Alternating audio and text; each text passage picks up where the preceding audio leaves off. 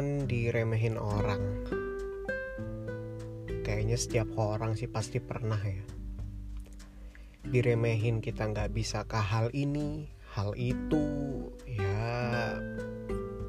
Mentang-mentang dilihat dari luarnya aja. Dan orang tuh emang kebanyakan nggak ngeliat perjuangan kita di belakangnya mati-matiannya kayak apa gue termasuk orang yang paling sering diremehin entah itu di bidang yang memang tidak gue kuasai atau bidang yang memang sebenarnya cukup gue kuasai tapi memang belum nemu gongnya aja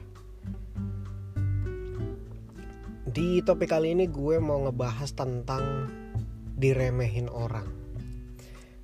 Kita memang namanya juga manusia.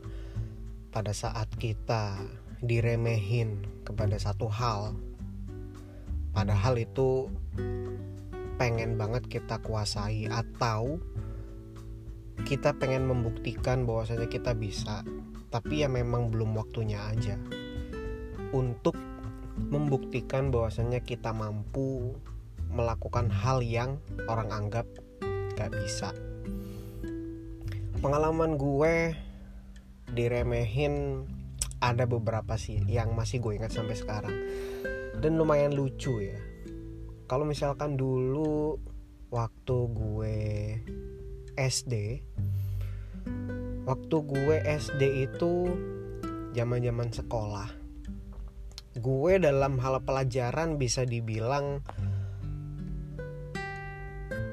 pelajar atau anak yang nggak bisa dibilang pinter sih. Dan bisa dibilang memang bodoh dalam hal akademis pelajaran. Jadi masa-masa gue SD ya bandel-bandelnya anak SD terus setiap pelajaran itu susah nangkep terutama mungkin pelajaran-pelajaran yang dianggap masyarakat harus dikuasai kalau misalkan ingin sukses. Contohnya matematika. Itu gue memang tidak ahli banget dalam bidang itu dan pelajaran-pelajaran logika lainnya. Jadi dulu waktu gue SD ya memang terkenal bukan terkenal juga sih ya cukup untuk dibilang bodoh lah.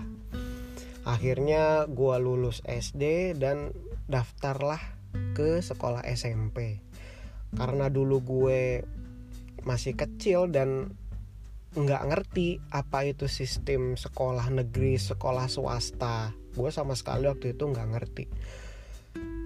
Akhirnya gue disuruh orang tua gue daftar di sekolah negeri waktu itu di salah satu daerah. Akhirnya gue daftarlah ke situ bersama teman-teman lulusan SD di sekolah gue juga yang sama dan bersaing dengan sekolah-sekolah lulusan SD yang lainnya akhirnya gue daftarlah ke situ. Daftar administrasi segala macem. Sampai akhirnya nunggu waktu ujian atau tes kelulusan lu layak masuk ke sekolah negeri itu atau enggak. Nah di perjalanan daftar ada satu temen gue yang memang bisa dibilang dia pinter di uh, sekolah waktu SD itu di kelas itu termasuk anak-anak pintar dia ngeliat gue daftar di situ. Ini lucu sih. Dia uh, tiba-tiba langsung nyeletuk ya namanya anak kecil ya. Fahmi ngapain lu daftar ke negeri? Orang bodoh aja. Gue detailnya gue lupa ya gimana cuman kurang lebih seperti itu. Dia bener-bener ngeremehin gue ngapain lu daftar sini? Kan lu bego. Daftar-daftar negeri. Yang gak bakalan keterima lah gitu. Maksudnya gitu. Gue sih bodoh amat ya karena gue dulu masih kecil dan sekali lagi gue belum ngerti apa itu sistem sekolah negeri sekolah swasta. Kayak gimana? Gue masih belum ngerti. Yang masuk negeri itu adalah orang-orang terpilih orang-orang yang dianggap pintar. Ya gue nating dulu saja waktu itu akhirnya tibalah waktu ujian. Dan kebetulan pada saat ujian itu gue inget banget gue dapat tempat duduk paling depan. Jadi otomatis gue nggak bisa sama sekali nyontek. Tidak ada kesempatan nyontek. Gue di situ bodoh amat ngerjain aja sebisa gue dan akhirnya pada saat di uh, masuk waktu pemilihan eh waktu uh, ini apa namanya ujiannya sudah udah terbit dan ditempel di papan gitu akhirnya gue lulus. Gue lolos masuklah ke sekolah negeri itu. Dan beberapa teman-teman gue ada yang masuk ada yang gagal juga. Tapi satu orang ini yang waktu itu dia ngeledek gue nggak tahu kenapa akhirnya ya dia termasuk yang tidak lulus. Dia yang nggak lulus akhirnya dia pindahlah daftar di sekolah swasta. Ya itulah salah satu mungkin awal pertama banget yang mana gue bisa membuktikan ya yang sebelumnya gue diremehkan. Dan dalam hati gue gue hanya tertawa jahat gitu. Gue hanya tertawa jahat. Tapi ya namanya dulu juga masih kecil tapi sekarang akhirnya kita ya alhamdulillah berteman lah. Berteman gue berada di jalur gue atau uh, bidang yang gue kuasai dia pun juga. By the way dia itu uh, menjadi salah satu guru di pesantren. Tidak perlu gue sebut namanya siapa. Namanya dulu juga masih kecil tapi setidaknya sekarang ya berteman baik lah gitu masih ada beberapa cerita lagi di pribadi gue tapi uh, gue sudah mengangkat topik ini dan ada beberapa yang ikutan juga cerita. Ini gue bacain ya. Untuk pertama ada dari uh, Dian. Terkadang orang ngeliat dari luarnya saja tanpa tahu latar belakangnya yang sebenarnya gimana yang sebenarnya gimana dengan gampangnya mereka ngejudge seseorang. Aku sering diremehin gak bisa apa-apa yang dengan gampangnya minta duit ke orang tua mau beli ini itu oke padahal tanpa mereka tahu apa yang udah aku lakuin selama ini Misal, aku mau beli HP baru, aku harus kerja dulu. Ya, walaupun kerjanya sama orang tua tapi setidaknya ada usahaku dulu. Orang tuaku juga bukan tipe yang kalau anaknya minta langsung diturutin. Nah, ini uh, minta ke orang tua berarti ya. Jadi ini masuk ke kategori diremehin sama orang. Ah lu apa-apa minta ke orang tua gampang banget. Ya, ini memang terjadi ya di circle pertemanan kalau misalkan uh, dia terlihat anak orang kaya dan dimanja menurut gue sih emang layak diremehin sih ya karena lu cuma bisa minta. Cuman kalau misalkan dari berdasarkan ceritanya Dian ini dia mau minta apa aja itu uh, memang masih sama orang tua tapi kamu harus kerja dulu. Berarti ikut kerja sama orang tua nah ini kerjanya apa? Nggak tahu ya mungkin dagang kali ya. Ini menarik nih.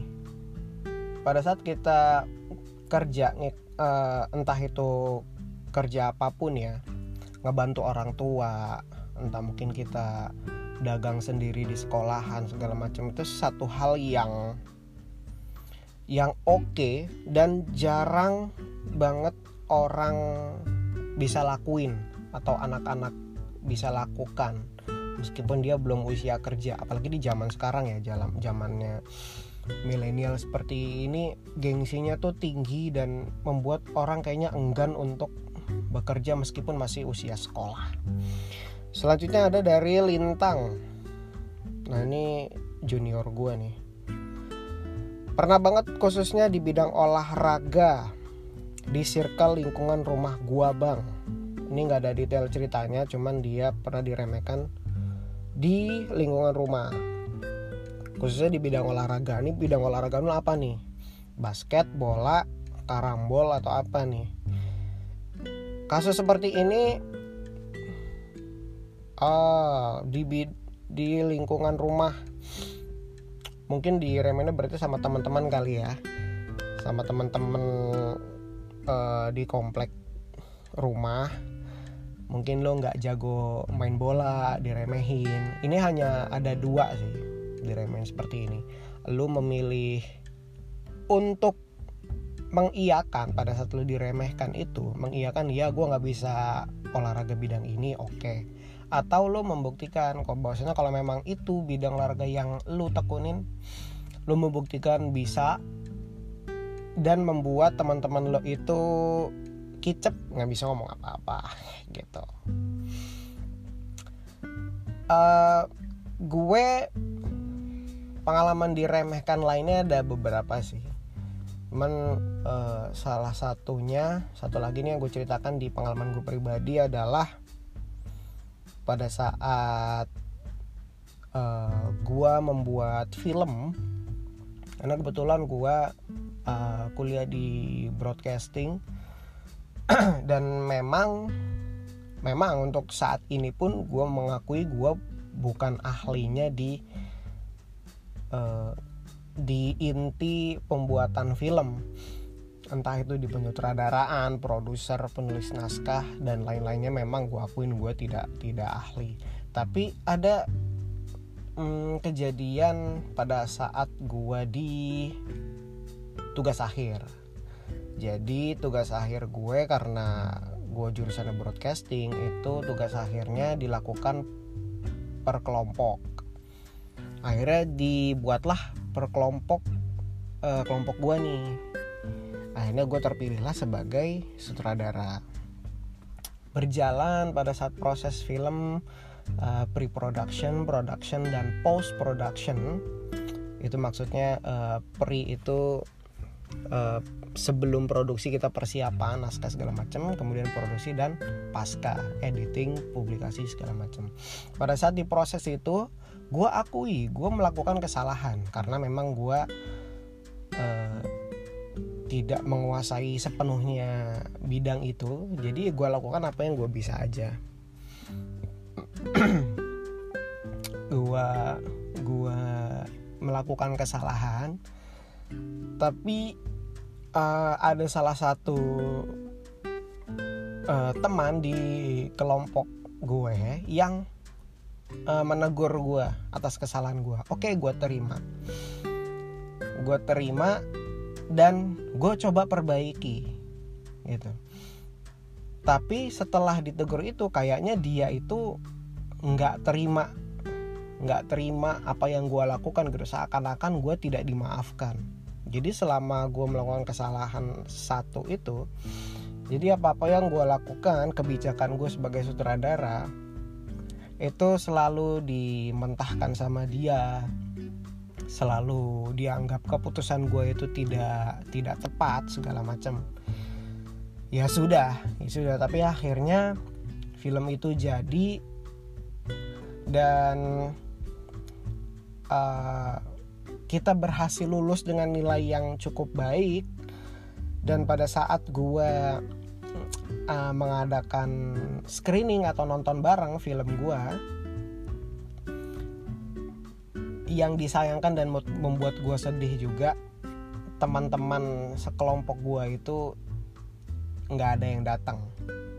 Entah karena menganggap gue rendah remeh nggak bisa jadi filmmaker yang baik atau apa nggak ngerti. Semua nggak datang kecuali uh, produser. Sang produser temen gue ini gue sebut aja. Produser gue namanya Zakia dia adalah orang yang respect banget sama gue dan uh, kita masih kontek-kontekan sampai saat ini dan kita berhubungan baik. Hanya dia yang datang. Jadi waktu itu gue berkelompok itu ada berapa ya? Uh, tujuh kalau nggak salah. Dari bertujuh sama gue dari seluruh kita berkelompok tujuh orang yang datang hanya gue sebagai yang mengadakan uh, screening atau nonton, nonton barang itu sama produser gue si Zakia itu yang datang. Semuanya nggak ada yang datang termasuk satu orang yang meremehkan gue dari awal. Ya sudah gue sakit hati sakit hati sedih gitu. Tapi ya mau gimana dia sudah menganggap gue seperti itu ya sudah. Uh, dia pernah beberapa kali juga bikin postingan yang menyindir gue ya sudah dalam hati gue ya oke gue memang tidak terlalu menguasai itu tapi ya udahlah bodoh amat. Hingga akhirnya ya sudah dia menghilang sendiri dari circle circle pertemanan gue ya sudah kita sudah jalan masing-masing sampai akhirnya gue membuktikan di uh, membuktikan di satu film yang lumayan karyanya luar biasa. Gue membuat uh, satu film bersama teman-teman uh, komunitas gua yang mana komunitas itu berisi para senior dan juga junior jadi satu. Kita bikin produksi film yang dibawahi oleh uh, atau Disparbud nah, Disparbud Dinas Pariwisata dan Budaya.